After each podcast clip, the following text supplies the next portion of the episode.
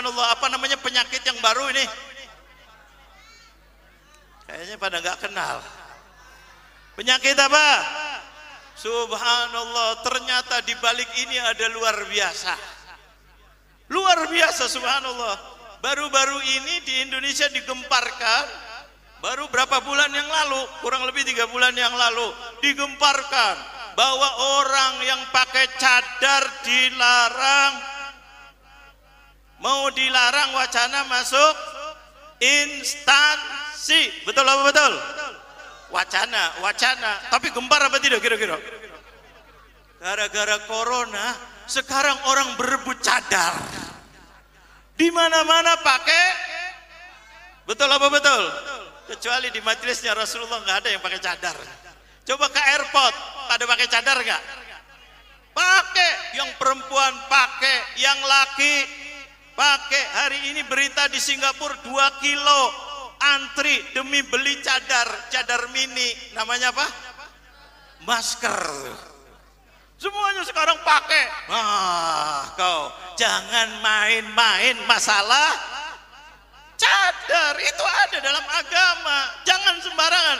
Akhirnya sekarang perempuan laki pakai. Betul apa betul? Apa bedanya tuh? Cadar yang kelihatan mata hidungnya tutup mukanya malah masker lebih kenceng suruhnya. Biar jangan masuk katanya. Nah ini subhanallah luar biasa. Kejadian ini ah diingatkan jangan sembarang ngomong. Betul apa betul?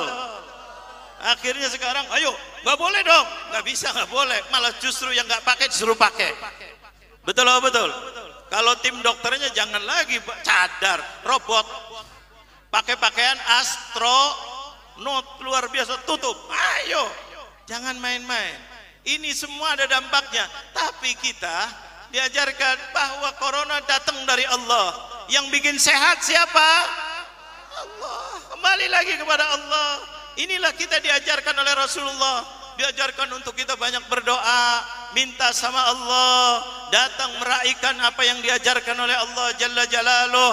Ini semuanya untuk makin kita makin dekat kepada Allah. Maulid Nabi ini adalah tadi kita udah dengar kecintaan Allah yang luar biasa tidak ada lain kecuali kepada Nabi Muhammad.